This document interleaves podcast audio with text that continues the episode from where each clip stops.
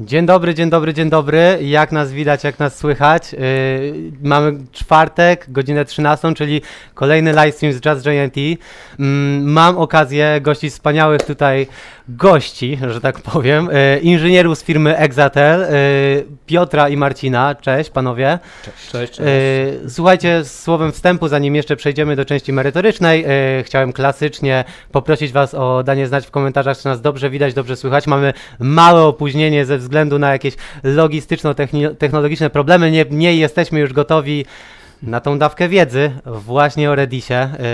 Yy, panowie są tutaj ekspertami z tego. Mimo nazwy Redis for Dummies widziałem, że jest to temat dość skomplikowany, ale z tego co rozmawialiśmy wiem, że yy, będziecie starali się to przekazać jak najbardziej, mm, nazwijmy to, jak najlżej. Czy się mylę, czy też nie. Yy, Jak sądzicie? Będziemy się starali.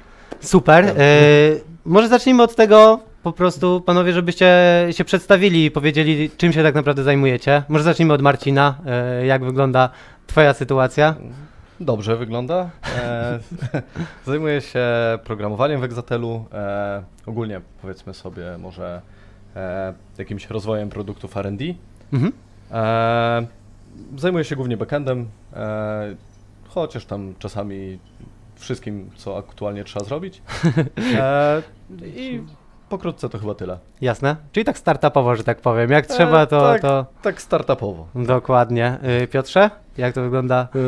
U mnie podobnie, również z Marcinem pracujemy razem w Exatelu, też przy projektach głównie R&D i myślę, że też szeroko pojętym backendem się zajmuję, pewnie zahaczając również o jakiś DevOpsing, sieci komputerowe. No, Czyli generalnie tak jak, tak, tak jak tutaj Marcin wspomniał, jak trzeba to wszystkim, tak? Y, trochę tak, tak to bywa.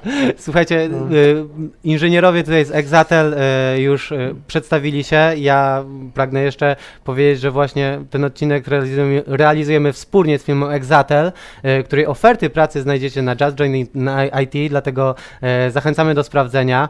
Mm, jeszcze jedno ogłoszenie parafialne przed ciekawą tutaj prezentacją tutaj naszych gości. Y, Pamiętajcie, że możecie zadawać pytania po prezentacji, po części prezentacyjnej, która będzie trwała około 40-45 minut. Będziemy mieli sesję Q&A. Ci, którzy są częściej już na naszych streamach wiedzą, że lubimy nagradzać aktywne osoby, lubimy nagradzać interakcje, dlatego jak zwykle mamy dla Was nagrodę. Dla osoby, która zada najciekawsze pytanie, najbardziej wnikliwe, co ocenią tutaj nasi goście, yy, mamy przygotowaną paczkę gadżetów od Just Join IT. Także zachęcam do aktywności, zachęcam do tego, żeby zadawać pytania i jak najbardziej rozszerzyć yy, tę część merytoryczną, którą panowie dla Was przygotowali. A mi pozostaje już chyba tylko zejść ze sceny i, i pozostawić Wam tutaj e, już e, pole do popisu. E, panowie, widzimy się na sesji QA. Powodzenia. Dzięki. Dzięki. Em, Okej, Mm, to cześć jeszcze raz. E, nazywam się Marcin, e, pracuję w Exatelu, tak jak już zresztą mówiliśmy. E, zajmujemy się głównie tworzeniem rozwiązań, które są trochę bardziej interesujące, dobrze się skalują, e, wkraczają dość e, aktywnie w taką działkę e, R&D i w związku z tym chcielibyśmy też pokazać, jakby jakie jest nasze podejście do takich dobrze skalujących się, skalujących się aplikacji, co jest, czym się głównie kierujemy przy projektowaniu ich e, i właściwie jak to, jak wygląda jedna z nich tak naprawdę w dość e, uproszczonym, e, w dość uproszczonej wersji. Żeby nie przedłużać, powiem tylko, że będziemy się dzisiaj opierali właśnie na bazie danych Redis. Będziemy chcieli pokazać, dlaczego jest fajna, dlaczego my ją lubimy i dlaczego bardzo dobrze nadaje się do rozwiązań, które chcemy uruchamiać w takim nurcie wysokiej dostępności. Piotrze, Tak, y, właśnie pierwsza rzecz, na którą y, warto zwrócić uwagę, to y, to, o czym w ogóle jest ten tytułowy Redis. Pewnie większości z Was kojarzy się on z czymś, co jest wykorzystywane do przyspieszania działania Waszych stron internetowych, często opartych o WordPressa. Tutaj właśnie na prezentacji wyświetlone są wyniki zapytań, słowa Redis w pluginach WordPressowych praktycznie wszystko jest związane e, z cache'owaniem e, odpowiedzi, e, które przychodzą na frontend z backendu.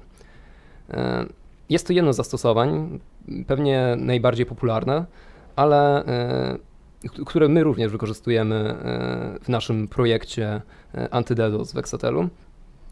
Ale podczas tej prezentacji będziemy starali się wejść w trochę inne zastosowania tej bazy i bardziej pokazać, czym ona jest od kuchni.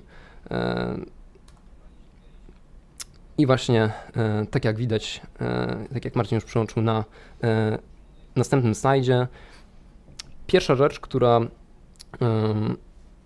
jest bardzo fajna w Redisie i która, z której korzystamy w naszym projekcie, to jest właśnie HA, czyli wysoko, wysokodostępność aplikacji, High Availability. I tak jak widać na e, prezentacji, mamy e, e, aplikację, która łączy się do klastra redisowego, który stworzony jest z kilku instancji Redisa oraz z kilku instancji Sentineli. Redis to jest zwykła instancja bazy danych, a kolejne wartości, czyli Redis 2 i Redis 3, są jego replikami, które Mm, mają kopię danych, ale są e, tylko do odczytu read-only. Zapisujemy tylko do e, oryginalnej wersji Redisa, Redisa 1. Ale skąd aplikacja ma wiedzieć, do którego pisać e, i co robić w momencie, kiedy główny Redis nam padnie? Od tego jest, są właśnie sentinele, czyli strażnicy. Jest to również Redis, tylko z inną, uruchomiony z inną opcją. Monitorują one stan całego klastra i innych E, Redisów i e, najlepiej, żeby e, w dokumentacji Redisa zawsze piszą, że minimum powinno się stosować trzy sentinele, żeby mogły one dochodzić do kworum, do, do tego, żeby dobrze wybrać mastera, ponieważ głosują one nad tym, który kolejny po po przerwaniu działania, który, e, która instancja bazy danych powinna być tą nową instancją do zapisu, a nie read-only. I tak, e, jeszcze może teraz pokażemy to e, o na konsolę. Na konsto tak.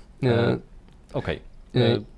Może jeszcze tak wtrącę tylko, że Redis jest też właśnie często wykorzystany do tego cache'owania E, ponieważ e, jest bardzo szybki. I właśnie może, żeby to szybko pokazać, jak już e, Marcin włączył konsolę, pokażemy krótkie benchmarki, które są, które są zamieszczane na stronie oficjalnej Redisa, pokazujące ile zajmuje operacja setget, czyli najprostsza operacja na Redisie, czyli ustawienie danego klucza na jakąś wartość oraz odczytanie wartości danego klucza. I możesz odpalać. E, to jest e, uruchomienie e, właśnie benchmarka ze zwykłym setem i getem i jeszcze oprócz tego możemy to zrobić dużo szybciej z tak zwanym pipeliningiem, o którym będziemy mówić jeszcze później. Przy nim wyszło pół miliona zapytań na sekundę. Dobrze, ale wracając do wysokiej dostępności, tutaj również chcielibyśmy zademonstrować, jak wygląda właśnie cały ten failover. E, jest to nazwa, którą się określa zwykle to, co się może zdarzyć w naszej aplikacji, czyli teoretycznie, jeśli mamy na przykład klaster rozproszony na różne maszyny albo różne kontenery, które są na różnych maszynach wirtualnych albo e, na różne maszyny fizyczne i padnie nam z jakiegoś powodu maszyna, na której jest główny master, jest główny Redis, jak wygląda proces wyboru nowego mastera i tego, by aplikacja e, dalej działała. Dobra, zobaczymy sobie, e, co właściwie mamy uruchomione. Tak, tutaj mamy uruchomioną, uruchomiony nasz klaster, który jest zapisany w Docker Compose. Mamy właśnie trzy instancje Redisa oraz trzy instancje strażników Sentineli, które monitorują stan naszego klastra. E, wyświetlmy może, e, co o tym klastrze mówi nam e, Sentinel. Tak? Tak, to są to logi Sentinel, ale głównie końcówka nas interesuje. Mówi ona o tym, jaki jest status e, mastera, który jest obserwowany, jego adres IP, port e, oraz ogólnie status całego klastra, czyli to, że ma on dwie repliki e, oraz trzech strażników, którzy jednocześnie monitorują razem z tym stan całego klastra. Teraz zobaczmy, co wyświetla jeszcze informacja tak, o naszym masterze. On również mówi, że mamy połączonych dwóch slave'ów, dwie, repliki, i że on jest masterem. Analogicznie jak spojrzymy na kolejny, na kolejnym porcie na jedną z replik, to ona będzie miała informację, że jest slave'em i jak, kto jest jego masterem. Jest repliką. Dobrze, i teraz przeprowadzimy bardzo prostą symulację tego, że coś się dzieje z maszyną, na której jest główny e, master naszego Redisa. Robimy mu stopa do Composem e, i e, teraz zobaczmy tak, co będzie w logach naszego Sentinela. Nasz Sentinel zauważył, że coś jest nie tak z masterem i uruchomił proces failovera. Zmienił mastera, jak widzimy, switch master E, na inny adres IP.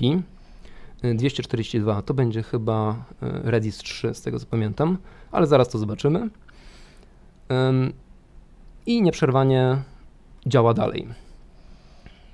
Zobaczmy jeszcze tak. Info to jest. Możemy sprawdzić z tego. Myślę, że on będzie slave'em. Tak, to jest, to jest drugi Redis. Drugi Redis. Który jest slave'em, właśnie. I zobaczmy jeszcze trzeciego, który prawdopodobnie będzie nowym masterem. Tak, ale ma już połączonego tylko jednego slave'a, ponieważ nam e, ten główny master e, w tej chwili jest nieaktywny, bo kontener e, został położony. Dobrze. Jeszcze pokażemy info Sentinela, żeby mhm. mieć obraz sytuacji pełny. E, 39 na przykład. 79, e, przepraszam. Tak.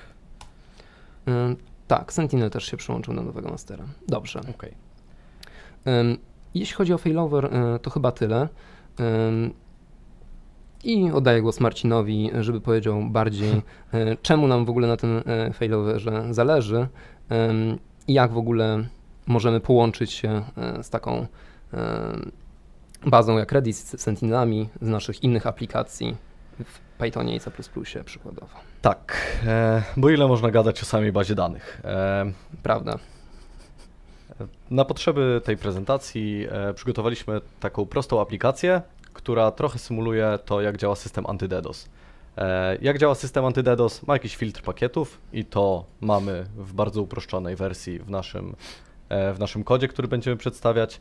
E, jest ten filtr pakietów napisany w C++ po to, żeby był szybki mamy jakąś konsolę, która zarządza tym filtrem pakietów, konfiguruje go, ustawia jakichś klientów, to jakie filtry mają być włączone, jakie mają być wyłączone i na bazie tego będziemy sobie budować później kolejne rzeczy.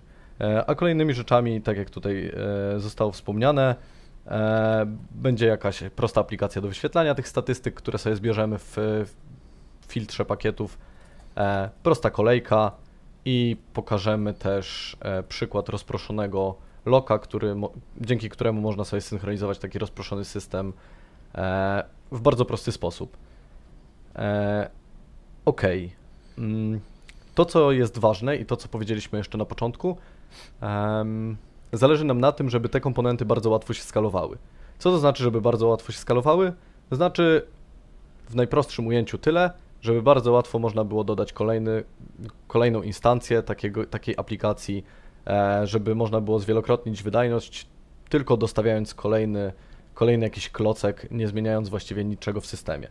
E, I ta myśl będzie nam e, przyświecała przy okazji prezentowania tego naszego systemu, tak jak przyświecała nam przy okazji jego budowy. Nie wiem, Piotrze, czy chcesz wspomnieć trochę o tym, jak sobie symulujemy e, konfigurowanie e, tych naszych filtrów. E, mogę wspomnieć. Takim krótkim, krótko tylko wspomnę o tym, że właśnie na potrzeby tej prezentacji stworzyliśmy apkę, która nie jest w pełni taką aplikacją, jakiej używamy w Exatelu jako nasz antydedos, dlatego żeby nie robić części całej frontendowej z backendem, której klient konfiguruje, jak ma działać aplikacja, zrobiliśmy po prostu prosty plik YAMLowy, w którym jest konfiguracja, żeby pokazać komunikację między komponentami, a nie to, o czym nie jest. To na czym się nie znamy. Tak. I to, co jest pokazane na tym slajdzie, to jest właśnie to, w jaki sposób te dane konfiguracyjne zapisujemy w Redisie. Na początku w Excelu robiliśmy to trochę w inny sposób, gdyż Redis pozwala na kilkanaście różnych typów danych do zapisu jako baza klucz wartość. Jednak przy takiej konfiguracji jak YAML, możesz ją pokazać Marcin? Jasne. Może to być trudne, ponieważ YAML jest jednak formatem zagnieżdżonym. Podobnie jak konfiguracje różne w JSONach, kiedy używamy aplikacji, która jest w formacie frontend plus na przykład backend w Pythonie, mamy często dikty JSONowe i ciężko jest to łatwy sposób zapisać na typach danych, które udostępnia nam Redis. Na początku to robiliśmy. Było to trochę haki, niezbyt, myślę, nie było to optymalne.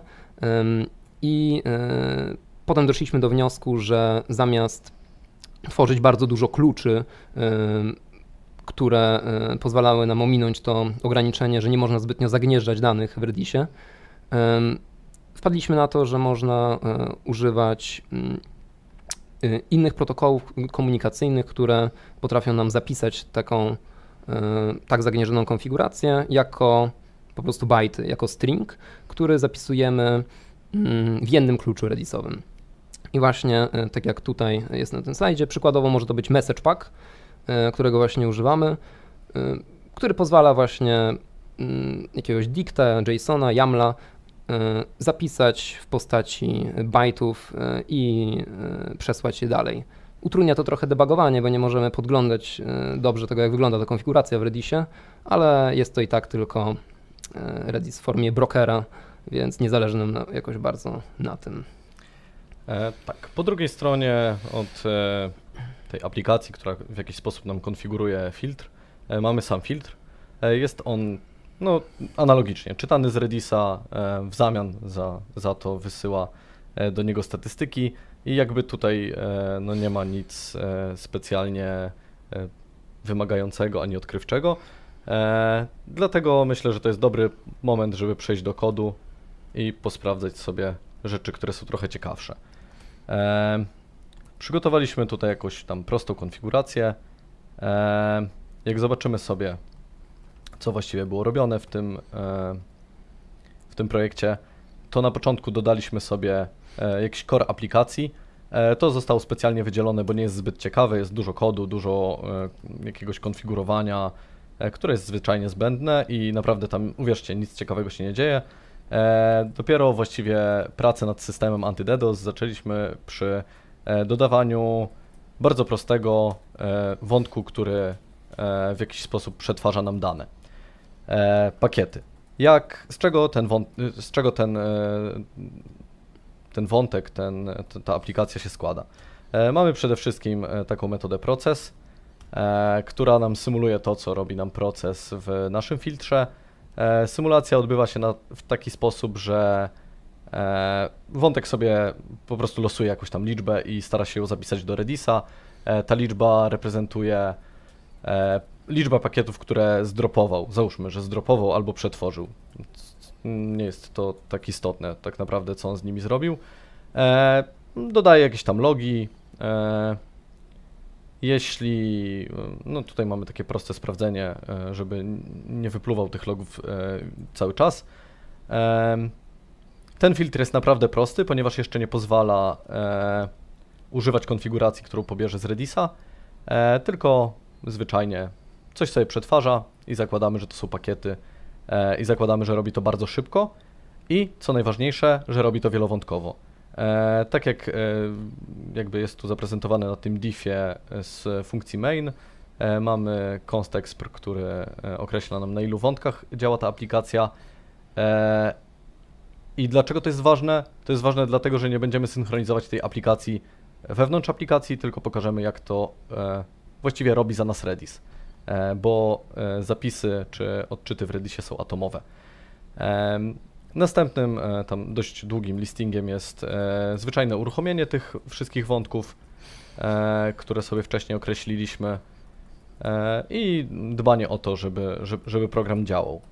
E, ok, co jest jeszcze dość istotne w, e, na tym etapie, e, tak jak tutaj widać e, w tym miejscu, e, wrzucamy wszystkie statystyki do jednego klucza.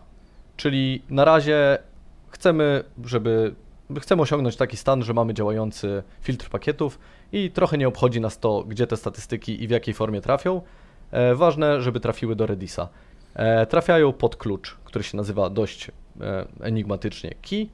E, ten klucz jest e, hashsetem, to znaczy, że tak Piotrek wcześniej powiedział, że Redis to jest baza klucz-wartość. E, to jest trochę uproszczenie, bo e, jest wartość może mieć kilka typów i na przykład jednym z typów jest hashset i ten hashset polega na tym, że mamy klucz taki główny, e, który może mieć swoje podklucze i te podklucze mogą mieć dopiero wartości, czyli na przykład pod kluczem key mamy filtr 1, który ma wartość 5 i to jest trochę bardziej zagnieżdżona struktura i jest to też jedna e, z fajniejszych rzeczy w Redisie i powód, dla którego go lubimy. E, ale dobra, e, koniec gadania, zobaczmy jak to działa. E, przełączymy się na ten, e, na ten commit. E, przełączymy się na mm, konsolę i zbudujemy aplikację.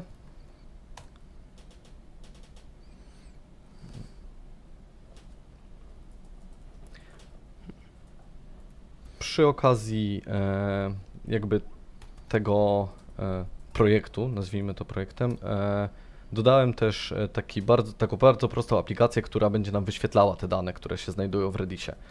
E, żeby właśnie symulować jakiś moduł prezentujący to wszystko. Ok, aplikacja się zbudowała i chcemy ją uruchomić.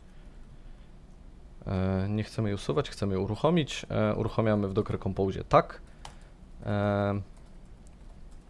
Zerkniemy, czy wszystko działa tak, jak powinno. E, wszystkie kontenery są podniesione. E, zerkniemy szybko na logi, e, żeby po prostu mieć już pewność. W logach, jak widać, mamy dwa wątki, wątek 1, wątek 0, które performują ileś tam operacji. Więc jest w porządku. Wracając do aplikacji, która powinna nam coś narysować.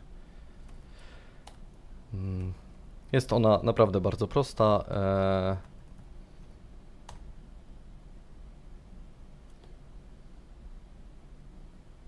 Chwileczkę. E, mm, Podałem jakiś zły przełącznik i muszę zerknąć e, w kod, który to był.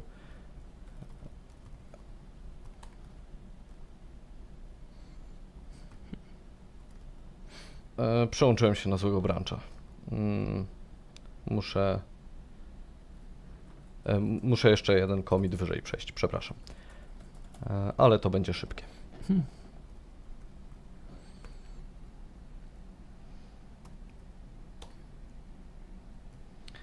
Ok. E, m- musimy zbudować aplikację jeszcze raz, bo, bo tak działa C. Więc zrobimy to równie szybko.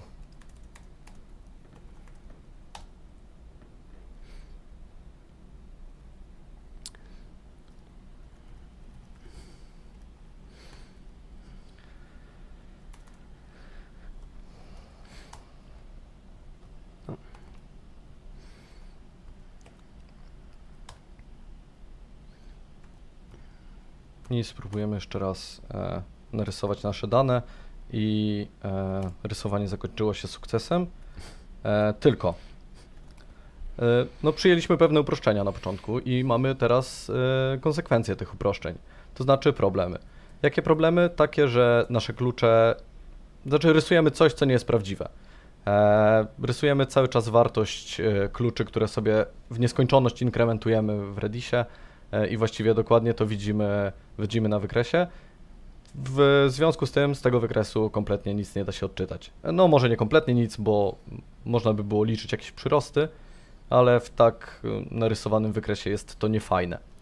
No i właśnie, e, przyjęliśmy takie założenie, dlatego że mieliśmy właściwie problem z tymi statystykami. Jak je wrzucać? E, możemy je agregować w jakieś okna większe, e, na przykład okna jednosekundowe i tworzyć taki klucz e, dla danego timestampu. Jak się zmieni timestamp, to możemy e, możemy mm, podmieniać ten klucz. Wtedy będziemy wiedzieli dokładnie, ile w czasie tej jednej sekundy było danych. E, ale to też pociąga za sobą pewne konsekwencje. Zerknijmy sobie szybko, e, jak wyglą- wygląda struktura, nasza aktualna struktura w Redisie. Użyjemy takiej komendy keys i mamy klucze, które, o których będziemy później mówić. One są e, robocze. E, kluczki, czyli to, gdzie wrzucamy nas, nasze statystyki, możemy sobie je podejrze- podejrzeć. E, jak widać mamy filtr 1, 2, 3, 4. E, jest to bardzo proste, tak jak mówiłem, jeszcze nawet nie używamy konfiguracji, którą mieliśmy w YAMLu. E, mamy samą konfigurację, w sumie też możemy ją pokazać. Możemy.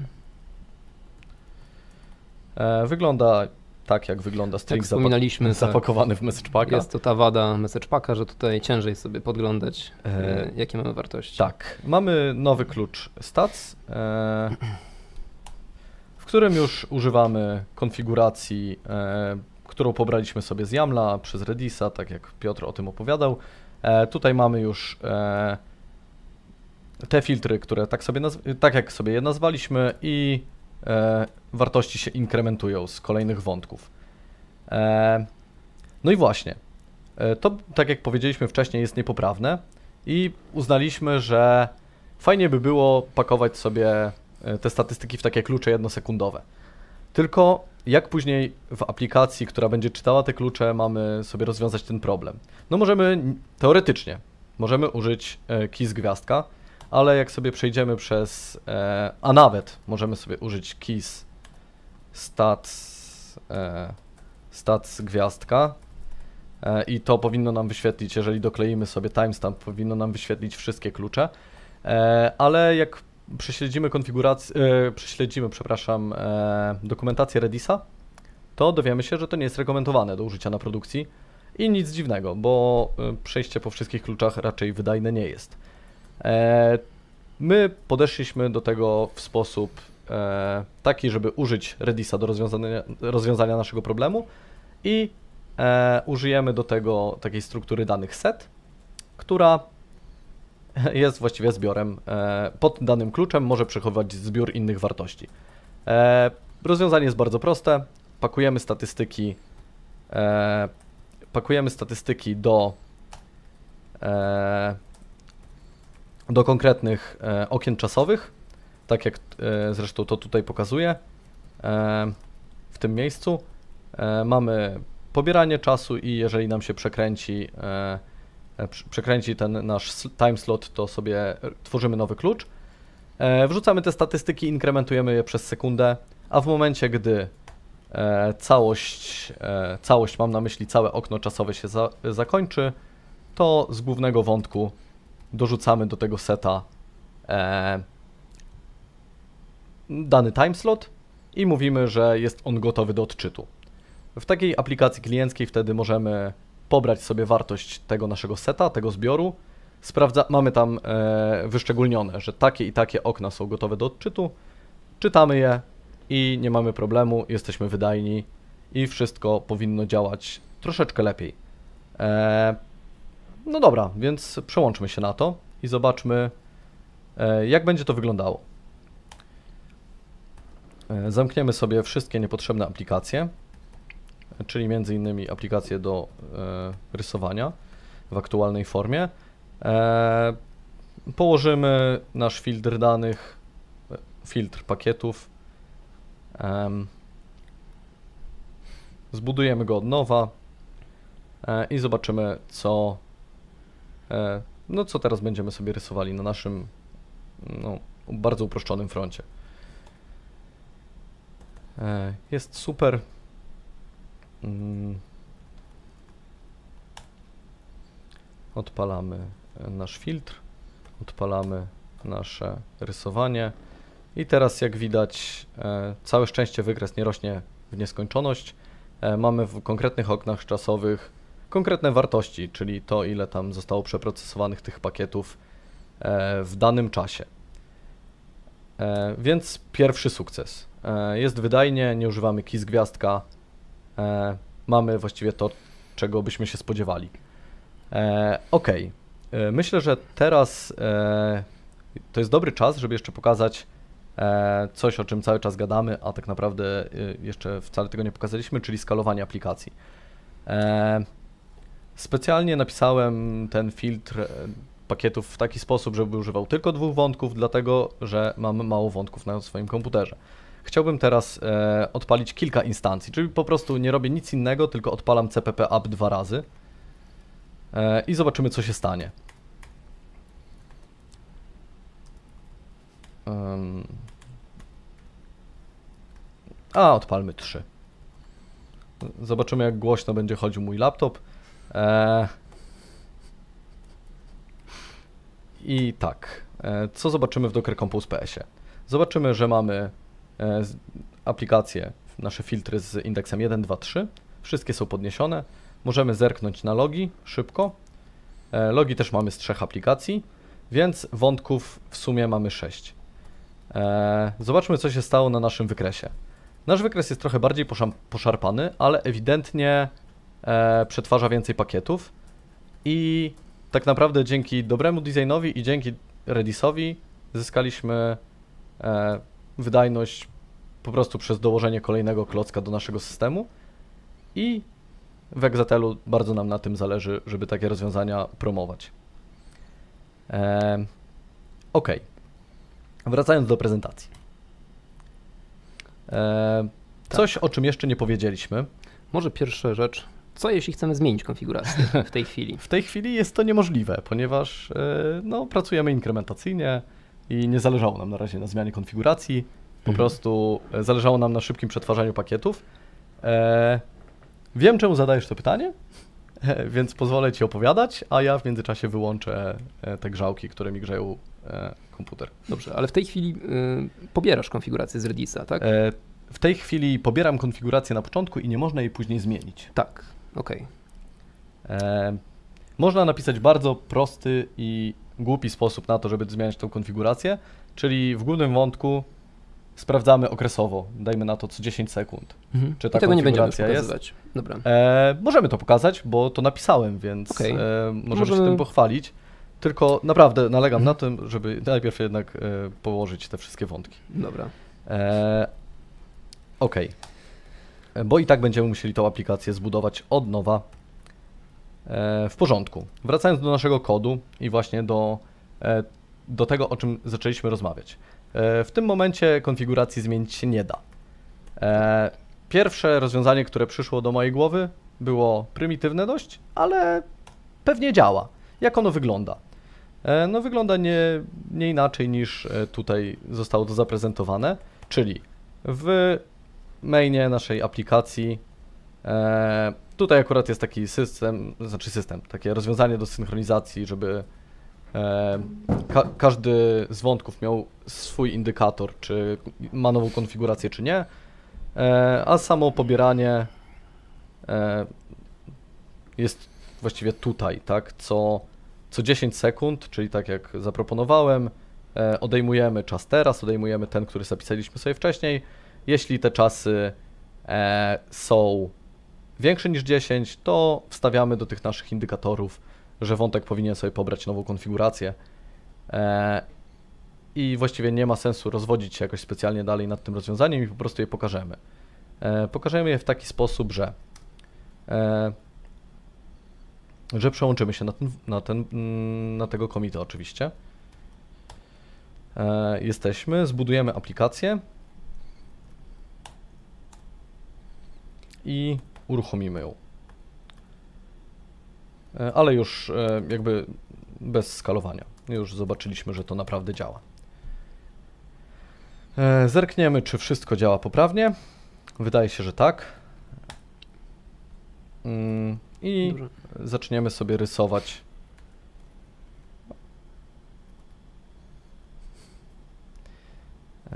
Zaczniemy sobie rysować nasz front.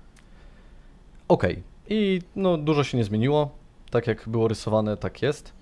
E, Ale chcieliśmy przetestować e, reload konfiguracji, więc zamienię teraz. e, Jakby zrobimy to w możliwy najpros- możliwie najprostszy sposób. Zamienimy fi- wszystkie filtry na e, false, żeby po prostu żaden nie działał. Zapisane i czekamy. Jeden, dwa, trzy i tak dalej, i tak dalej. Jak widać, trwa to. E, I liczymy na to, że w końcu spadnie do zera. Nie spada. O, coś nie spada. Nie fajnie. Eee, możliwe, że nie zbudowałem poprawnie aplikacji. Mm. Ale to tylko dowód na to, że naprawdę jesteśmy live. Eee, Mhm. Więc pozwólcie, że zerknę jeszcze raz na to, gdzie się znajduje w drzewie Komitów. e, komitów. Mm, Mm, Znajduje się niby tutaj. Nie jestem pewien, czy usunąłeś po prostu tamten obraz i zrobiłeś builda. E, wydaje mi się, że tak zrobiłem, ale, Okej.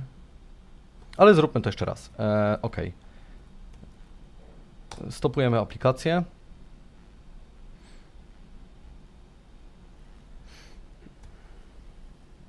O, w sumie zastopujemy aplikację, to, to też nie będzie nam potrzebne.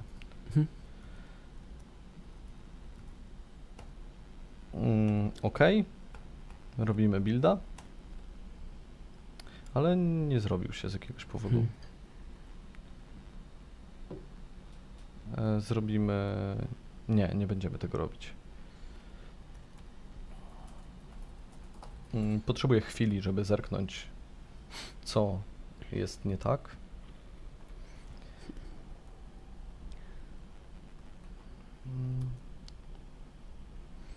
Client config możemy sobie dropnąć, żeby był tak jak był. E, Sentinele nie są istotne. E, Zrobimy inaczej w takim razie. Mm.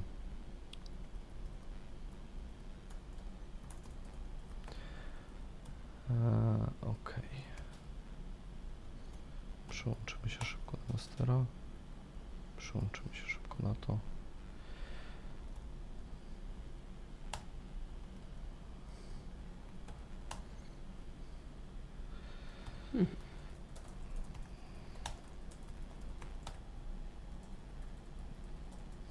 Mm.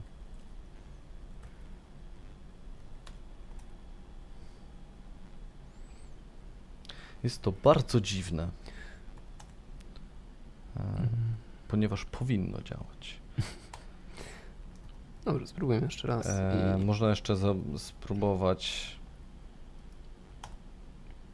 tak i no można tak zrobić. Ale może... E, zróbmy tak. Dobre imię moje jest na szali tutaj. Dobra. E, a w międzyczasie możesz opowiedzieć o tym, w jaki Mm. sposób zrobić to lepiej. Tak, bo to, co chcemy tutaj pokazać, to jest właśnie rozwiązanie naiwne. Tak naiwne, że aż ciężko je nam tutaj e, odpalić, e, które miało e, za zadanie e, przeładowywać ten config e, raz na 10 sekund, sprawdzać, czy nic tam się nie zmieniło i go przeładowywać. Jednak Redis udostępnia mechanizm e, publish subscribe, e, który o wiele bardziej nadaje się do tego typu rozwiązań. Mechanizm, który pozwoli nam to robić dużo szybciej i bez opóźnienia, e, co również było u nas potrzebne w systemie, który budowaliśmy, gdyż bardzo nam zależało na tym, żeby żeby, bardzo, żeby aplikacja szybko reagowała na e, zmiany naszych klientów. Tak, e, Publish Subscribe jest szeroko wykorzystywany e, przez różne kolejki e, e, Pythonowe, e, takie jak RQ czy Celery, e, tylko nie do końca e, zwykle o tym wiemy. Me- Mechanizm polega tak jak e, najczęściej e, subskrypcja i e, publikowanie, czyli na tym, że jedna aplikacja na danym kanale czy topiku subskrybuje się i czeka na to, aż dostanie cynk od innej aplikacji na tym samym kanale i wtedy może wykonać jakąś akcję. Jest to taki trigger poprzez właśnie zmianę, poprzez jeden klucz e, znajdujący się e, w bazie Redis. I e, mam nadzieję, że zaraz uda nam się to pokazać. E, Możemy zademonstrować to, póki się buduje aplikacja na przykład e, na prezentacji. Okej, wywaliło mnie z Zooma, O, e, ale jestem z powrotem. Dobra, e, możemy to pokazać na prezentacji.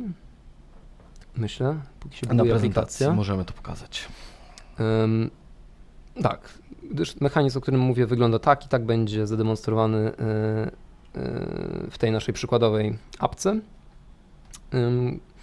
w której to właśnie część C++, która jak Marcin pokazał jest skalowalna, możemy ją odpalić w trzech instancjach na przykład. E, Wszystkie sub- subskrybują się do tego samego kanału i jedna apka Pythonowa, e, która zarządza konfiguracją e, kliencką, informuje o tym, żeby wszystkie inne aplikacje C++ przeładowały swój config. Ym, Tak, czekamy jeszcze Tak. chwilę na builda, który dobra. mamy nadzieję, że już się kończy. E. No tak. Mhm.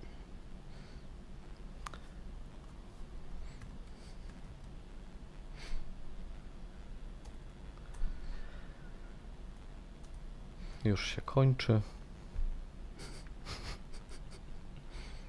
Dobra.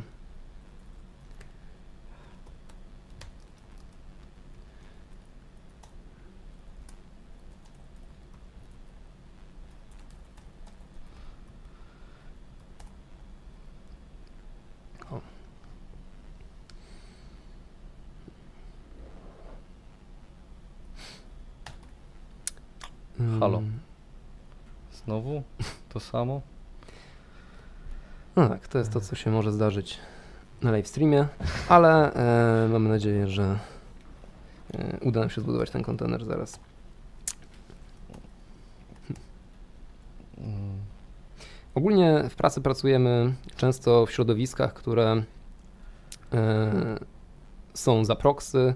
E, mamy to również skonfigurowane na naszych laptopach i e, gdy zdarza się, że właśnie musimy się połączyć czasami do internetu, e, to e, to właśnie zdarzają się potem problemy przy komunikacji bez VPN-a.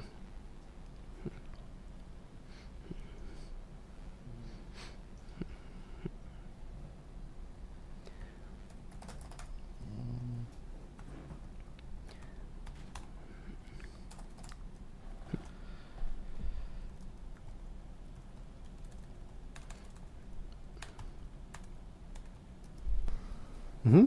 Mamy tutaj mały chyba problem techniczny, czy się udało połączyć z Zoomem. E, Chyba Marcin, nam czy... rozłączyło Jeszcze chwilę. share ekranu. Aha, e, przepraszamy za tą chwilową tutaj technologiczną e, e, komplikację. Ja w międzyczasie wykorzystam ten blok reklamowy do reklamy, jeżeli Okej. tak można. E, zachęcam Was do dwóch rzeczy. Przede wszystkim do sprawdzenia ofert pracy e, właśnie firmy Exatel, aby e, móc tutaj współpracować z takimi fachowcami, inżynierami właśnie, właśnie z firmy Exatel. Znajdziecie link do ofert bezpośrednio w komentarzu na Facebooku i na YouTubie. A dodatkowo widzę, że jesteście bardzo aktywni. y, Fajnie, że zadajecie pytania. Macie jeszcze na to pewne, y, chwilę czasu do czasu końca prezentacji, więc zachęcamy. Y, Przypominam, że y, na samym końcu naszego wystąpienia zrobimy sekcję Q&A, w którym jak najwięcej, a może jak się uda, to wszystkie te pytania y, uda nam się przekazać. Marcin, widzę, udało się już połączyć na Zooma. Tak. y, więc podejrzewam, że zostały zażegnane. że za sekundę jesteśmy, jesteśmy już live, lecz wracamy do okej. prezentacji. Okej, e, wybaczcie widzowie. E, Tak, e, zbudowałem e, wszystko od nowa, zbuduję jeszcze raz dla pewności. E, spróbujemy podnieść aplikację C++. E, otóż tak. Dobrze. Na jakim E, jesteśmy komiciem? Jesteśmy na komicie, który powinien pokazywać e, naiwny Dobrze. reload. E, zobaczymy, co nam aplikacja loguje.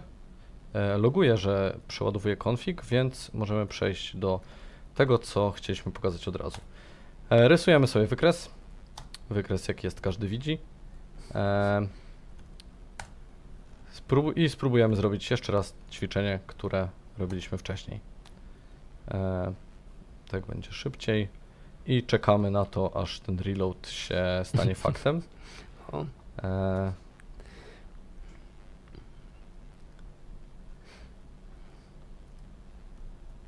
I powinien już się zadziać chyba, tego co widzę w logach, ale tak nie jest. może przyłączmy już na... Możemy Dobra. przełączyć, chciałem jeszcze raz zaczekać O, nie. i niestety to się nie udaje.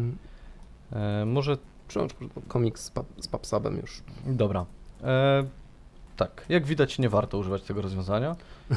E, więc przejdziemy do PubSuba, e, o którym Piotr już opowiadał. E, tak. E, mamy PubSuba. E, jak on wygląda w ogóle?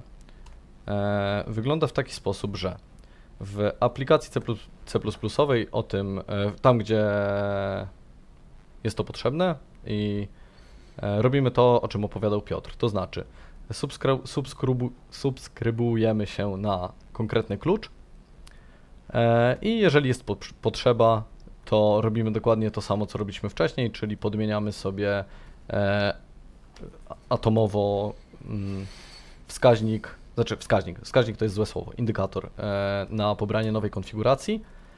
E, I tak. E, musieli, musieliśmy jeszcze wprowadzić jedną drobną zmianę w samej apce Pythonowej.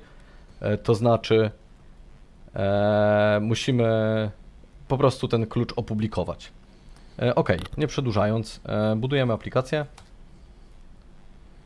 Em, która się buduje. I E, odpalamy ją.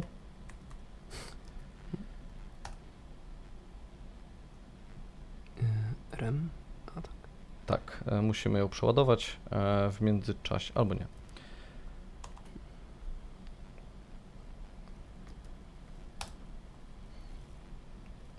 I zobaczymy, co. e, Jak, jak to teraz wygląda. Ok, wygląda tak, dokładnie tak, jak wyglądało wcześniej. E, O, czy ten konfig jest jakiś zły?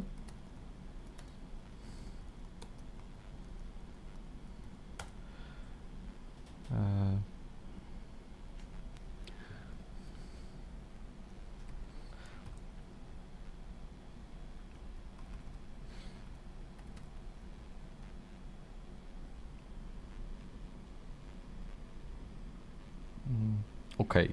E, Nie rozumiem tego. mm. E, bo e, rozumiem to. E, aplikacja działa dużo lepiej, jeżeli uruchomimy też Pythonową. A, tak. E, więc Okej. wszystko było Wszystko dobrze. było dobrze. Okej, problemem było to, że tak, uruchomiliśmy po kolei komponenty. Był komponent od wyświetlania, a nie był ten od czytania konfiguracji. Tak, Tak. E, strasznie śmieszne. Dobrze. E, Okej, e, pokażmy w końcu to, co e, od początku próbujemy pokazać, czyli w momencie, gdy zmieniamy wszystkie filtry na false, e, ruch jest drop, znaczy no, nie jest przetwarzany, ponieważ wszystkie, e, wszystkie filtry, które chcemy pokazać są wyłączone. Jak przełączymy z powrotem, to momentalnie nam wskakują na poziom, na którym były wcześniej. E, I właśnie już nie będziemy wracać chyba do tego Nie będziemy, dummy, nie, nie będziemy tam różnica wracać. byłaby taka, że y, to działo się dopiero po 10 sekundach. Na wykresie widzielibyśmy, że nadal to działa. Ym, I dopiero po jakimś czasie, po tym jak zrealizowaliśmy tą zmianę, e, widać efekt. A tutaj komunikacja między e, Redisem, apką C++ i z powrotem działa bardzo szybko. Tak. Mm, Dobrze. To może tyle, jeśli chodzi o e, tej subskrypcji. tak, y, subskrypcję myślę mamy już za sobą. E, I możemy przejść do kolejnego elementu aplikacji, e, czyli tego, mm, co dalej robimy z tymi danymi, które e, dostaliśmy od aplikacji C++ poprzez Redisa e, i poprzez te statystyki, które pokazywał Marcin, to, że je na przykład właśnie wyświetlamy e, jako e, wykres. E, U nas w projekcie oczywiście z tymi statystykami robimy więcej rzeczy. Musimy je przetwarzać. Często właśnie mm, nie wystarcza nam jednowątkowość Pythonowa, dlatego realizujemy to na wielu procesach. Żeby ogarnąć właśnie wiele procesów i jak zarządzać tymi taskami, często stosuje się różne kolejki. I jak wspominałem, często pod nimi również jest zaimpl- zaimplementowany Redis. RQ jest chyba najprostszą z takich kolejek. Celery jest również bardzo popularny, ale jest e, też bardziej złożony. Działają one jednak e, tak, jak właśnie jest to przedstawione na tym obrazku. E, Aplikacja Pythonowa, która ma już te dane ze statystyk, myśli, co zleca właściwie Redisowi na tą kolejkę zadania, które on już rozmieszcza na kolejne procesy, które je wykonują. E, Dzięki temu mamy asynchroniczność tych zadań i mm, właściwie nie musimy się przejmować tym w głównym wątku przede wszystkim. tak, E, Okej, to też sobie napisaliśmy. E, jak to wygląda? E, e, jak to wygląda? Ogólnie staraliśmy się w jakiś sposób zasymulować e, joba, który będzie trwał naprawdę długo. E, co to znaczy? To znaczy, że nie chcemy w naszym głównym wątku, który rysuje nam dane, w żaden sposób e, jakby tego przerywać. Uznajmy, że z jakiegoś powodu naprawdę nam zależy na tym, żeby w live mieć podgląd tych danych, który, który, które sobie oglądaliśmy od jakiegoś czasu. Ok, przełączmy się szybko na, e, na, nasz, e, na naszego mastera właściwie i zerknijmy, co tu się będzie działo. Zmiany są już tylko w Pythonie, więc dobrze dla nas, nie musimy przebudowywać aplikacji e, C++. E, ale tak, e, jakie w ogóle są zmiany? Zmiany są takie, że mamy dodany worker i mamy dodane kolejkowanie zadań na tego workera. Co to znaczy? To znaczy, że w Docker Compose że w Docker Compose dodaliśmy sobie kolejny serwis, który no, jest kolejnym serwisem, nic specjalnego. E, dodaliśmy sobie trochę rzeczy e, domaina i te rzeczy e, jakby jeden argument powoduje to, że uruchomimy właśnie sobie tego workera, który jest serwisem, e, a drugi argument nowy, który dodaliśmy, e, powoduje właśnie zlecenie takiego taska, który trwa długo. E, kodu nie ma zbyt dużo, e, zobaczmy jak to działa w rzeczywistości. E, Przede wszystkim uruchommy wszystkie te serwisy, które sobie zdefiniowaliśmy. E, Kolejny jakby przykład tego, gdzie to się będzie nam dobrze skalowało. Workerów możemy też dodawać w nieskończoność. E, Jak tylko nam wystarczy zasobów, dajmy na to, dodamy sobie 3 e, i hop. Sprawdźmy jakich status. Em, up. Wszystkie są podniesione i uruchommy sobie nasz główny wątek, którego nie chcemy przede wszystkim e, jakoś, nie chcemy jego pracy zakłócać w żaden sposób i nie chcemy, żeby on nam rysował ani liczył rzeczy, których, e, które zajmą mu bardzo dużo czasu. E, dlatego zlecimy sobie to na workera.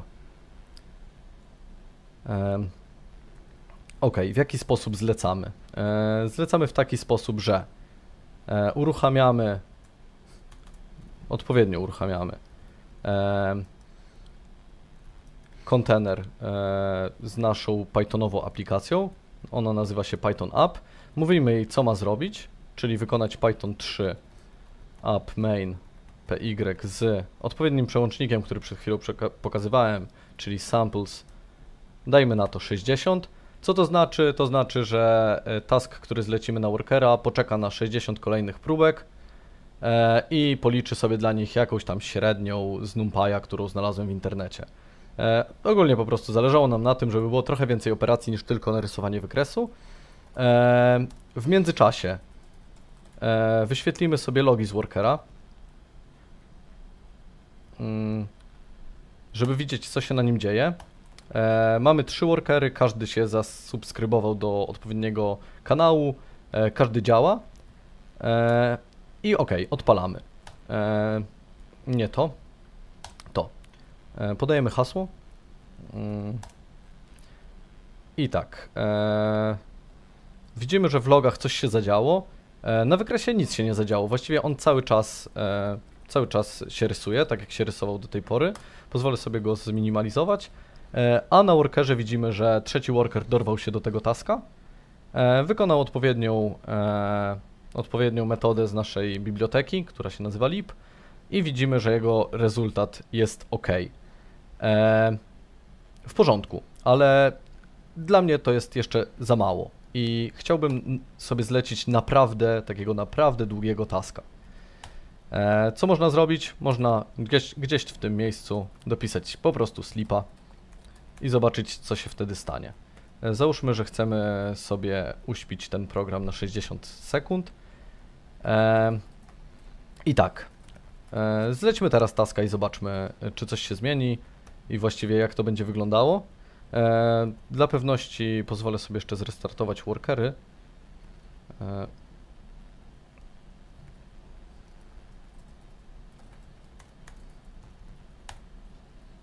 Ale to będzie szybkie. E, odpaliliśmy sobie je 3 i ok, zlecamy pierwszego taska. Zlecamy drugiego taska.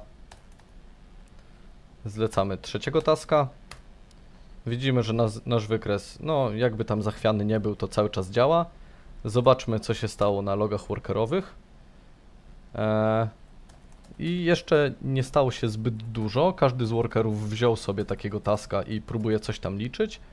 I zaraz powinniśmy dostać informację o tym, że e, te taski się zakończyły pomyślnie.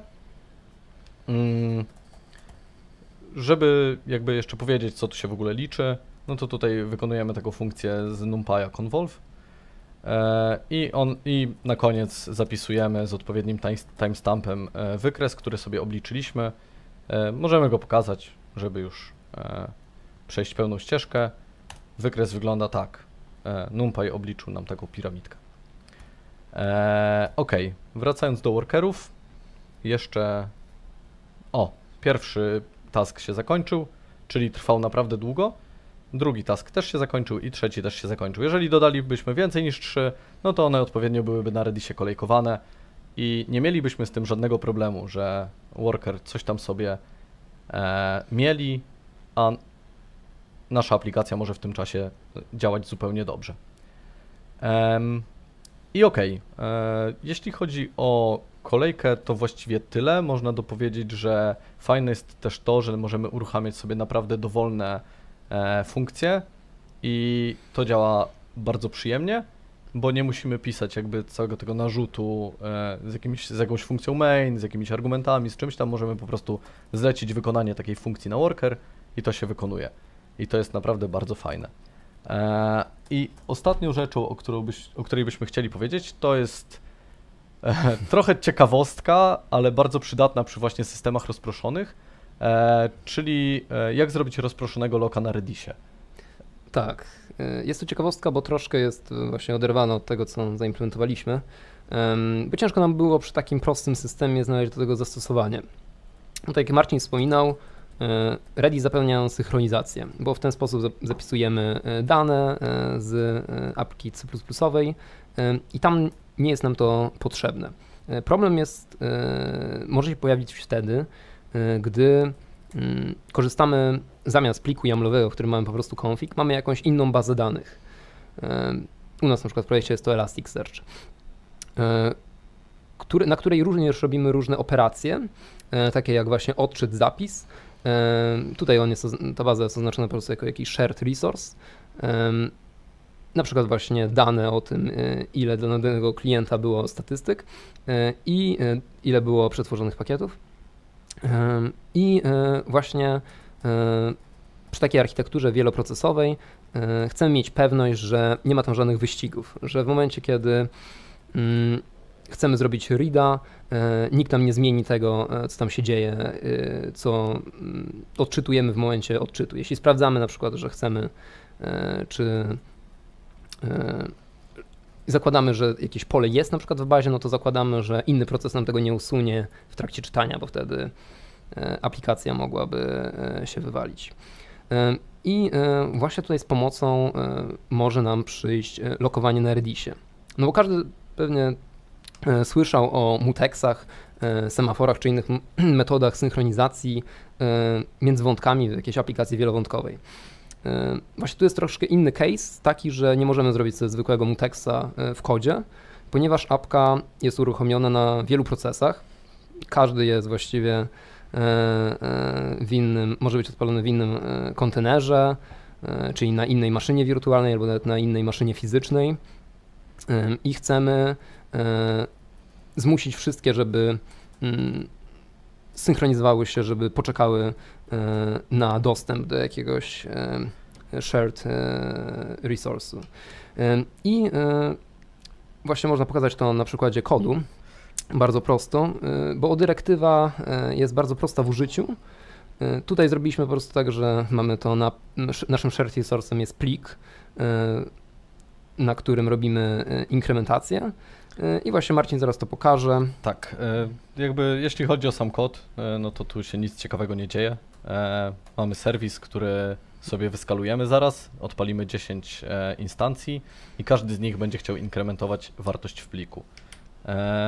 Myślę, że to, się, że się mało dzieje, to jest akurat tutaj plus, bo faktycznie bardzo mało kodu pozwala nam Tak. E, zrobić e, tak, synchronizację. dokładnie. tak. Nie wiedziałem jak powiedzieć, że jestem No. dumny z tego kodu. No. E, dziękuję. E, Okej, jesteśmy przełączeni. E, zobaczmy, co mamy odpalone. Mamy odpalone workery, CPP.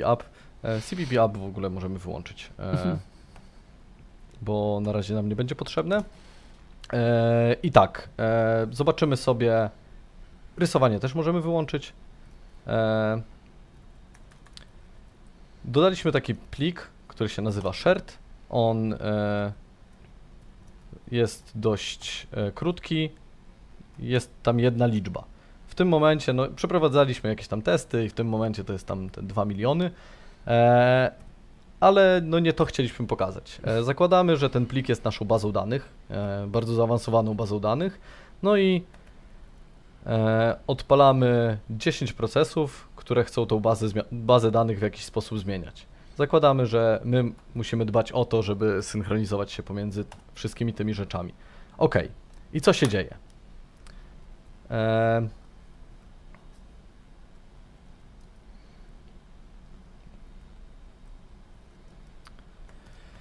Dzieje się w sumie tyle, że po prostu plik jest inkrementowany, tak jakbyśmy się spodziewali. Jest ink- inkrementowany dość szybko e, i żaden z procesów nie wchodzi sobie w paradę. E, I to jest bardzo fajne, e, dlatego że tak naprawdę to, że my napisaliśmy sobie w Pythonie, no to tylko jest ułatwienie dla nas. Jakby jeden z tych procesów był napisany w Go, drugi w C++, trzeci w Pythonie, a czwarty w Raście, to wciąż moglibyśmy sobie zakładać takiego loka na Redisie i mieć pewność, że one w jakiś sposób tam się ze sobą pogodzą. E, nie wiem, Piotrze, czy jeszcze chcesz coś dodać a propos loków? E, Chyba nie. O tym, co powiedziałeś, to zapomniałem wcześniej wspomnieć, że właśnie możemy używać również innych języków. To, że używamy tutaj Pythona i C++, to tylko dlatego, że e, na tym oparta jest aplikacja, w której korzystamy z tych wszystkich udogodnień redisowych e, e, w Exatelu. Ale równie dobrze moglibyśmy korzystać chyba jeszcze z 48 innych języków, z tego co, bo to chyba Redis pisał, że E, e, około 50 wspierają. 54, 54, okej. 54 biblioteki są. Czyli jeszcze e, 50, pewnie do dwa języki. W 54 językach. Tak, mogła, e, mogłyby komunikować się e, z Redisem, tylko zdarza się, że nie wszystkie dobrze wspierają te Sentinele, więc na to warto zwrócić uwagę e, wyborze takiej biblioteki, a jak nie wspierają, to zawsze można dopisać coś swojego, to też nie zajmuje dużo czasu. Tak jest. I jeśli chodzi, e, to z naszej strony jest to wszystko, co mamy przygotowane. E, I z małymi problemami dotrwaliśmy do końca i dziękujemy. Super. Super. y, Ty nazwałeś to problemami, ja bym powiedział troszeczkę inaczej. Upchnęliśmy, słuchajcie, w tym live wszystko. Była prezentacja, było debugowanie, było mięso. Czas na teraz sesję Q&A. Bardzo Wam dziękuję, panowie. Mieliśmy problemy techniczne, ale tak jak wspomniałem, to jest praca programisty czy też dewelopera, tak naprawdę rozwiązywać takie problemy i sobie poradziliśmy. E, społeczność, słuchajcie, jest aktywna, ma wiele pytań e, i te pytania chciałbym Wam przekazać, żebyśmy przez nie przeszli i wybrali najciekawsze z nich. E, bardzo Wam dziękujemy, że byliście tak aktywni. Dajcie znać na czacie, jak Wam się podobała prezentacja tutaj panów inżynierów. Ja w międzyczasie zadam pytania, które były skierowane jeszcze do nas, jako Just Join IT. Darek zapytał, czy to wystąpienie będzie nagrane tak, wystąpienie jest nagrane, będzie dostępne na Facebooku i na YouTubie, kiedy tylko zechcesz, Darku, sobie odpalić je. I Hans tutaj, pozwolę sobie zacytować e, jego pytanie, czy zna ktoś jakiś dowcip po dokerze? Jeżeli ktoś zna dowcip po dokerze, to rzućcie wtedy w komentarzu. A my już przejdźmy do merytoryki. Słuchajcie, merytoryka wygląda tak, e, że dzisiejsze połowę zapytań zdominowali nam osoby o imieniu Szymon, dlatego będzie, dlatego naprawdę Szymonów jest dzisiaj dużo. E, Będziemy tutaj, staramy się przemieszać te pytania, więc wybaczcie, jeżeli nie są chronologicznie ok, ale zadamy je wszystkie te, które do tej pory były. Zacznijmy może od pytania, które się pojawiło pierwsze. Było one związane z początkiem prezentacji. Dlaczego szybka aplikacja w C++, a nie na przykład w Raście? Chcesz odpowiedzieć? Y, Mogę powiedzieć. y, Nie ma wyraźnego powodu. Można napisać również szybką aplikację w Raście. To, że użyliśmy w C++, to jak wspominałem, mieliśmy z tym już doświadczenie. Było y, łatwiej y, nam to przygotować do prezentacji, ponieważ robiliśmy już y, apkę w C++, która komunikowała się z Redisem i właśnie robiła te wszystkie rzeczy. Tak. Dodatkowo mamy też swoją bibliotekę do Redisa, e, do C++ i ją znamy trochę lepiej niż Mhm. e, inne. E, właśnie to w sumie jest trochę mm, pokłosie tego, o czym mówił Piotr, że e, trzeba zwracać uwagę na to, czy biblioteki do Redisa dobrze obsługują Sentinelę. Bo nam bardzo zależy na tym, żeby jednak ten Sentinel tam był, żeby dbać o e, quorum i wysoką dostępność. E, I nie zawsze tak jest. My, jako że już napisaliśmy tą bibliotekę w C++, to użyliśmy sobie jej też i tutaj. Okej. Yy, To następne pytanie jest takie bardziej światopoglądowe, nie, więc nie zatrzymujmy się może długo na nim, ale jest związane z poprzednim pytaniem, czyli jak myślicie, czy Rust ostatecznie wyprze C++? Chcesz zacząć? Masz teraz ty. A, ja mogę zacząć. Mhm. Ja myślę, że jeśli ktoś będzie dobrze programował w Raście, to też będzie dobrze programował w C++. No, dyplomatyczna odpowiedź. Tak. E, Ja mogę tylko też nawiązać do czegoś, co kiedyś mówił nas Pentester jeden w Excelu, że e, czasami jak się chce, żeby apka była bardzo szybka, to e, w Raście nie uniknie się, jeśli chce się, żeby była tak samo szybka jak w C++, jednak czasami użycia unsave'ów. Też nie mamy aż tak dużo chyba doświadczenia e, z szybkim programowaniem w Raście, ale jeśli to na przykład z czego my korzystamy, czyli DPDK, byłoby też dobrze wspierane w Raście. Myślę, że nie ma problemu, żeby sprawdzić i musielibyśmy e, też zobaczyć, e, na ile szybkościowo ogarnia, ale ja myślę, że to nie jest wcale niemożliwe. Pewnie C nigdy nie wyprze, ale C++ Okej, zobaczymy. super. Yy, Zaskakujące dwa pytania były od Szymonów, yy, w razie czego. Yy, Teraz pytanie od Pawła. Czy nie mieliście nigdy problemów performance Redisa, na przykład z ekspirowaniem dużej ilości kluczy? E, mieliśmy problem e, z performance Redisa e, i polegało to na tym, że mm, użyliśmy tego właściwie, co tu zaprezentowaliśmy, że na początku wymyśliliśmy sobie, że nasza aplikacja będzie inkrementowała e, klucze na Redisie, dlatego że e, jest to bezpieczne, e, bo myśleliśmy, że będziemy mieli aplikację rozproszoną geograficznie. Wtedy nie, nieważne jakby z którego miejsca aplikacja waliłaby do Redisa, to tam byśmy sobie zbierali ten stan w jeden większy stan. Ale ostatecznie okazało się, że to rozproszenie geograficzne nie jest nam potrzebne, a jeżeli byśmy chcieli tego użyć, to prawdopodobnie byśmy musieli przejść na Redis Cluster.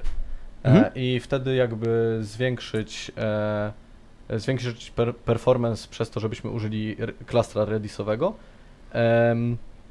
Ale z expirowaniem kluczy ja osobiście nie miałem problemu, ale też nie chcieliśmy jednocześnie nigdy e, jakby no, unieważniać kluczy wielu naraz. Jakby u nas Mhm. było to dość... Było tych kluczy dużo, ale nie było ich e, jakby na tyle dużo, żeby wszystkie w jednym czasie musiały wygasać. Tak, przykładowo tutaj w tym, co prezentowaliśmy, y, również używaliśmy y, Expira na kluczach. Tak, Przy, przyko- przykładowo przy tych oknach czasowych. Po tym jak coś odczytamy, przetworzymy, no to potem nie jest nam to potrzebne. No ale tak, te okna czasowe były usuwane No, po tym czasie jak przyszły, więc to było- nie było tego było bardzo dużo. Tak, Mhm. było ich mało. Okej, e, to było pytanie od Pawła. Paweł też dopowiedział, drugie pytanie zadał, które niejako chyba odpowiedzieliście, czyli jakie macie doświadczenia właśnie z klasteryzacją Redisa? E, Nie mamy. Nie macie. Znaczy mamy w takiej formie, w jakiej pokazaliśmy, Mhm. ale w momencie, kiedy zorientowaliśmy się, że nie potrzebujemy tego rozproszenia, o którym mówiłem, e, to e, zdecydowaliśmy się na e, agregowanie tego stanu w szybszy sposób w aplikacji. Mhm. Żeby nie używać do tego Redisa wprost, tylko żeby pakować tam statystyki, czy tam e, dane, po prostu dane, e, no jakby olejbelowane, że to są dane z tego Mhm. procesu, to są dane st- stąd e, i sobie je ag- agregujemy tak szybko, jak umiemy gdzieś indziej. Dzięki temu nie musimy używać Redis Clustra. Okej. Mm, Piotrze, rozumiem, że tutaj No podpisujesz tak, się. podpisuję Znaczy chyba, że Dziękuję. pytanie było o jakby klaster zapewniający HA. Tak, To czasami mamy tam jest, doświadczenie z tym. Tak, to było to, co prezentowaliśmy, te Sentinele i e, Redisy. Jest w Redisie coś jeszcze takiego jak Redis Cluster, ale właśnie z tym zbytnio nie mieliśmy Tak. e, do czynienia. Nazywamy często clusterem to, że mamy po prostu trzy Redisy, trzy Sentinele. No tak, które bo- stoją razem. mm, Tak, dokładnie. No. Okej, yy, spoko, dzięki. Następne pytanie od Szymona, jeszcze innego Szymona. Yy, Szymon Lisowiec tym razem, tym razem pyta, czy warto zapisywać w Reddisie wyniki zapytań do MySQL-a, których zapytania operują na indeksach primary lub unique? Nie wiem. Też nie wiem. Znaczy, Musiałbym się nad tym zastanowić, Mhm. e, ale tak na szybko nie chcę Jasne. wydawać osądu. No. Jasne. Yy, Szymon, bardzo ciekawe pytanie. Wrócimy kiedyś pewnie do niego. I właśnie, i Szymon też zapytał drugą rzecz. Yy, Szymon jest tutaj, o, Szymon Lisowiec jest osobą tutaj z YouTube'a, która właśnie pracuje już teraz w Reddisie i w- podpytaliśmy go i chciałby pogłębić swoje niektóre zagwozdki i kolejną zagwozdkę też wrzucił. Jakiś czas temu miał taką zagwozdkę, jak kej- kejczować produkty, posty przy paginacji. Końcowo wrzucałem do Reddisa każdy produkt oddzielnie i z bazy pobierałem tylko listę ID. Ale czy jest lepsze wyjście? Jak sądzicie? Czy też nie mieliście z tym jakby styczności Mm. bezpośredniej? Znaczy, my kaszujemy trochę inne rzeczy. E, My kaszujemy na przykład odpowiedzi od Elastika Mhm. e, i e, nie mamy, jakby to, co my kaszujemy jest ciężkie do wyciągnięcia, jakby zasobochłonne do wyciągnięcia, trwa to chwilę, ale tych wyników wcale nie ma tak dużo. A jeżeli mamy jakieś indeksy, które są większe, to używamy wtedy agregacji i tego nie kaszujemy. Mhm. Więc e, jakby mogę to podsumować w ten sposób, że to, co my kaszujemy w Reddisie, to są dość niewielkie zbiory danych, e, które są stałe, bardzo rzadko się zmieniają, e, więc nam się opłaca to kaszować po prostu jako obiekt. Mhm. E, I chyba nie robimy paginacji, tak, nie? Takiej Reddisie. e, robimy właśnie. Bo nie wiem w jakim kontekście też to jest pytanie. Bo No. z kolei to, czego my używamy, czyli na przykład Elastic, e, Mhm. on pozwala na paginację samą w sobie. Więc Mhm. No, tutaj więc- nie mamy też ni- doświadczenia, e, jeśli chodzi o paginowanie e, Mhm. danych de Może- facto w, w, na Reddisie. Ale może ten sposób jest właśnie odpowiedzią na pytanie yy, Szymona, żeby spróbować właśnie pójść Tak. to, w tę stronę. Tak, możemy spróbować to zrobić i na pewno nam się rozmiar bazy powinien zmniejszyć dzięki temu. No, Spoko. Yy, dzięki. Pytanie teraz od Michała. Yy, to jest dłuższe i da- podzielimy to pytanie na dwie części. Czy wykorzystujecie Redisa jako in-memory database? Czy wykorzystujecie również w swoich rozwiązaniach jego możliwości persystencji? Jeśli tak, to czy tam również wykorzystujecie cluster, czy jednak preferowany jest model, model standalone? się, że wszędzie mamy klaster. Wydaje mi się, że wszędzie mamy klaster. Eee, Um, Mhm. czyli wykorzystujemy persystencję. I Tak, to, ale pytania czy byś określił to jako in-memory database? Właśnie chyba nie, nie do końca.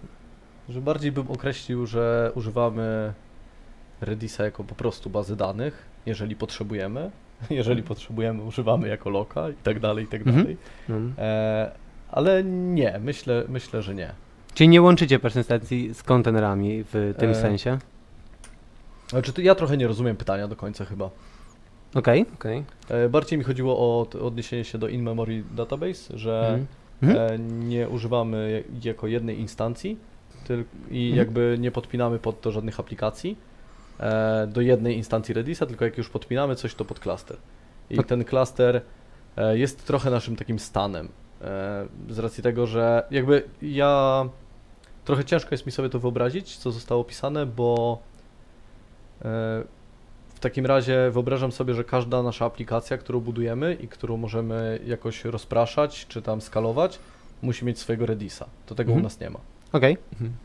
Dobra, to może y, drugą część tego pytania, które jest trochę w nawiązaniu. Y, jeśli łączycie persystencję właśnie z kontenerami, to czy opieracie wolum na jakiejś formie NFS-a?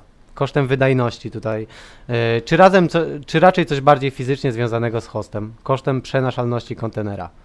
I E, co wy o tym sądzicie? Okej. e, Traktujemy Redisa bardziej jako. Mm, opieramy y, stan Redisa na tym, że mamy go sklastrowanego i na tym, że e, nigdy nie zabraknie nam slave, y, replik.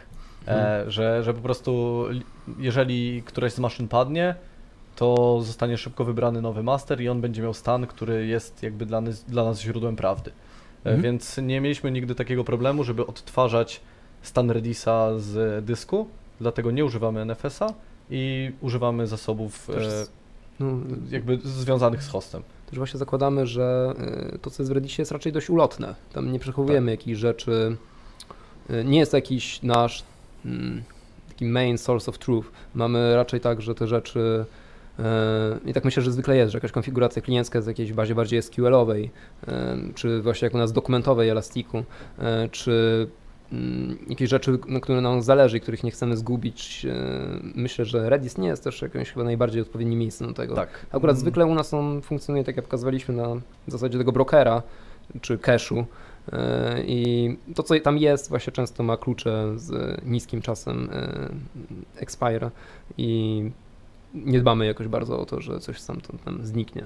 Okej, o to w takim razie y, zadam pytanie związane z tym, troszeczkę przeskoczę. Y, Hans pyta, czy zdarzyło się Wam w tej apce, że Redis zapomniał dane, które powinien pamiętać? W sumie on może gwarantować zapomnienie, to kwestia konfiguracji. Mm, czy chodzi o to, że klucz nam wyekspirował zanim go odczytaliśmy? To chyba nie. Nie? Wydaje mi się, Wydaje że mi się, że nie zapomniał. raczej, mamy tam takie założenia przy tych kluczach, że no, jeśli coś w ogóle chcielibyśmy czegoś użyć jeszcze później, no to w ogóle na przykład nie będziemy ustawiać expire albo bardzo duży ten czas. Mhm. Taki, Tak. żeby Tak, tak, tak. em, Czyli jest to kwestia konfiguracji. E, Jest kwestia, no bo no teoretycznie nawet tak jak prezentowaliśmy ten failover, mm, te dane nie powinny zniknąć, jeśli mamy repliki, bo tam jest dokładnie to samo w nich. Mhm. Tak. Replika sobie po prostu patrzy tak, na mastera więc- i powinna mieć dokładnie to samo. Więc kwestia konfiguracji. Jeśli replika będzie na innej maszynie, najlepiej innej wirtualce czy innej fizycznej, no to wtedy mamy większą szansę, że pewnie no, nie zniknie nam to, co zapisaliśmy. E, Okej. Tak. Spoko. Yy, Kuba pyta, co z persistence danych w przypadku, kiedy Redisy padną? Jak o to dbać i zarządzać? Mm. No, uruchomić Sentinelę. Czy E. jeśli chodzi o to, że jeśli wszystkie padną, no to No trudno. no No trudno. No tak. Kuba, no trudno. No, co, co, co, co mamy ci powiedzieć? Nie, no E, my tego tak. używamy w taki sposób, że Mhm. jakby mm, używamy Redisa jako współdzielonej pamięci w jakimś tam systemie rozproszonym, e, ale no zawsze jest szansa, że nagle wszędzie zabraknie prądu No i jasne. wtedy te Redisy zwyczajnie padną, no ale uznajemy, że to jest ryzyko, e, które jakby jesteśmy w stanie zaakceptować. Edge case taki po prostu, który Mm. Dokładnie. może się kiedyś w jakimś tam wszechświecie wydarzy. E, Okej, to teraz pójdźmy bardziej ogólnie. Michał pyta, Jaka jest największa wada Redisa i czy istnieje inne rozwiązanie, które nie posiada takiej wady? Hmm. Jaka największa wada? Czy ten uśmiech sugeruje, że albo ją znasz i nie chcesz Nie, powiedzieć, nie, nie, albo, e, albo nie ma wad? Próbuję, próbuję sobie coś e, przypomnieć. No. Na pewno mogę powiedzieć od razu o drugiej części pytania, czy istnieje inne rozwiązanie? Tak. E, ogólnie to, że w ten sposób wykorzystujemy Redisa nie znaczy, że on w tym celu optymalny. Można wykorzystywać e, inne e, biblioteki, inne sposoby komunikacji.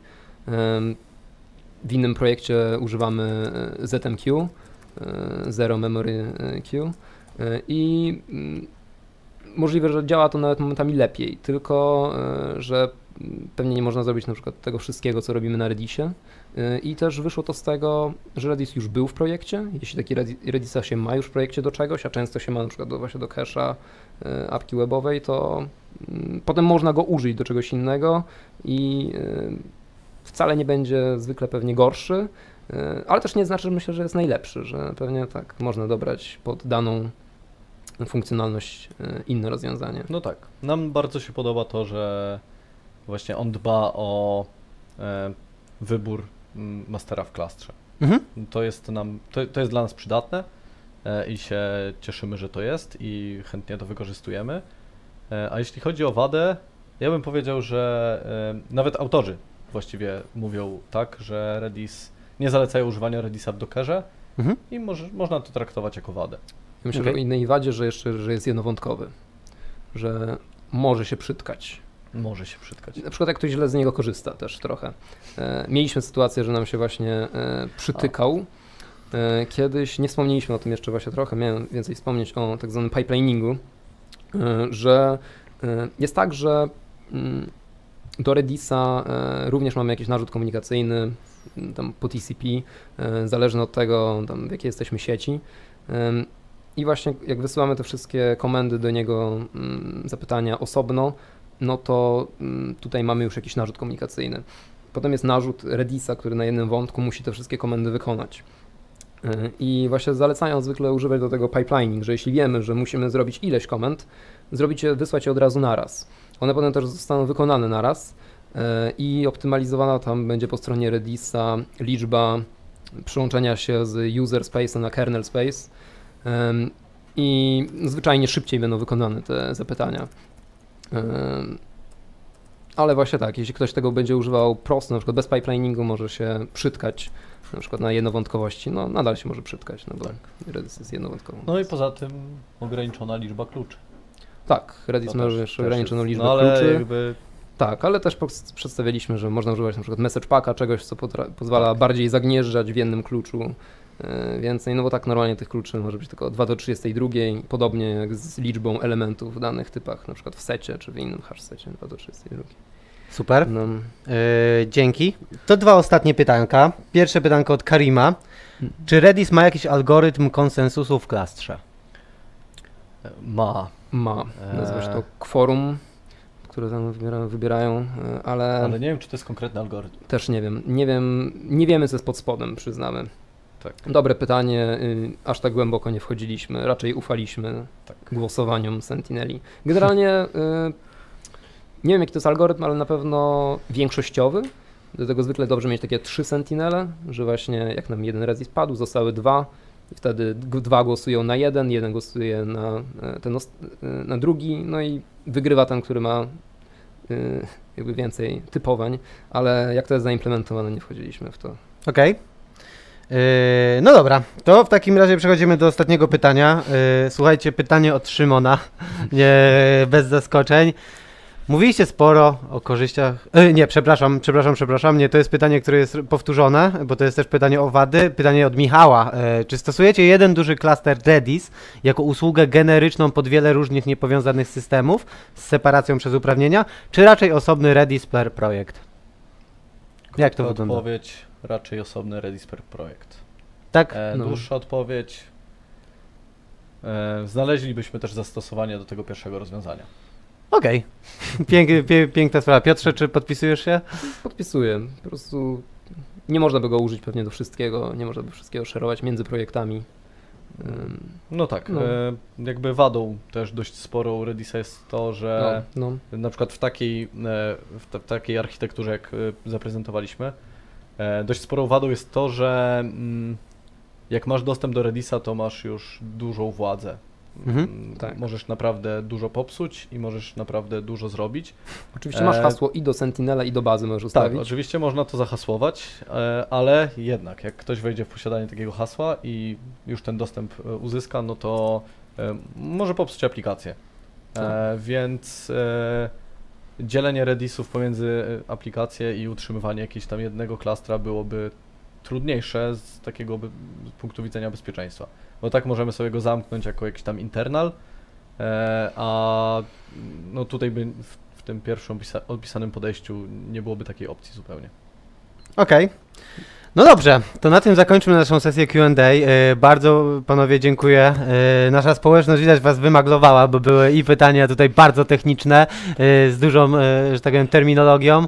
E, Były też pytania filozoficzne i nie wiem, nie patrzyłem na czat, ale zastanawiam się, czy też były żarty o Dockerze. E, Jak były, to cieszy mnie tym bardziej. Pozostaje nam rozwiązać konkurs. Panowie, czy jakieś z tych pytań wam weszło y, w duszę, że tak powiem, o, o którymś pamiętacie, czy przejdźmy sobie jeszcze raz przez nie, mniej więcej miałbym wam pokazać, co, co było. Możemy na szybko przejść, chyba czy masz jakieś, bo ja nie mam Znaczy ja mam swój typ, ale nie Okej. chcę Zdradzać? Nie chcę nic sugerować. No. Myślę, że możesz zasugerować, nie ma z tym żadnego no, pro- nie- problemu. Nie sugerujmy. Dobra, to w takim razie przysunę się do was, pokażę wam tutaj Spoko. pytania, nie chciałem wcześniej pokazywać, żeby chłopaki nie, y, mieli tutaj y, odpowiedź taką bardzo, nazwijmy to dynamiczną. Y, tu były pytania o Rasta, klasteryzację, MySQL, z Primary lub Unique, cache'owanie z paginacją, to akurat jest komentarz, y, in-mem- in-memory database, y, z NFS-em, wada Redisa, zapomnienie danych, co z persins, y, persistence danych, czy stosujecie jeden duży klaster, czy też Redis per projekt, y, wady, algorytm konsensusu. Który wybieramy? To chcesz sugerować, czy nie? To mogę powiedzieć, jak ty miałeś już w miarę pewniaka. To mogę. No, możesz powiedzieć. Mi się chyba najbardziej podobało pytanie o wady, no bo dużo się słodzi podczas takiej prezentacji i myślę, że dobre jest zawsze pytanie o tym, żeby powiedzieć też, do czego nie używać takiego Redisa, albo czemu coś jest nie tak. No, mój typ był podobny, bo po prostu nam sprawiło najwięcej problemów chyba wybrnięcie z tego pytania. Znaczy, no poza takimi, gdzie no, otwarcie powiedzieliśmy, że nie Mhm. mamy takiej wiedzy, Mhm. e, to to było dość trudne. No, ale nie wiem, nagradzamy te wady? No chyba Bo- tak. Ale były dwa pytania o wady. No to dlatego dajemy dwie nagrody. O, Słuchajcie, y, mamy zwycięzcę. Równie szczerze mówiąc, myślałem, że pójdziecie w te wady i już miałem Mm. przygotowane, to, że damy rzeczywiście dwie nagrody. Y, Słuchajcie, Michał Krzywkowski oraz y, Szymon Nogieć. Gratulacje, dajcie nam znać na Facebooku. Bardzo fajne, wnikliwe pytania. Dajcie nam znać y, w wiadomości prywatnej na nasz, na nasz fanpage, żebyśmy mogli się z wami skontaktować i wysłać wam paczkę gadżetów właśnie od Just Join IT. A mi nie pozostaje nic innego, jak podziękować moim wspaniałym gościom e, Piotrowi i Marcinowi tutaj za e, świetną prezentację.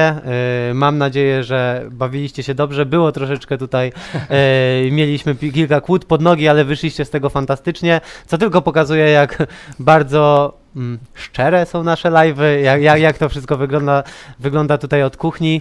E, może chcecie jeszcze tytułem zakończenia podziękować widzom lub też powiedzieć kilka słów o, o, o, o Redisie, czy też, czy też puenty.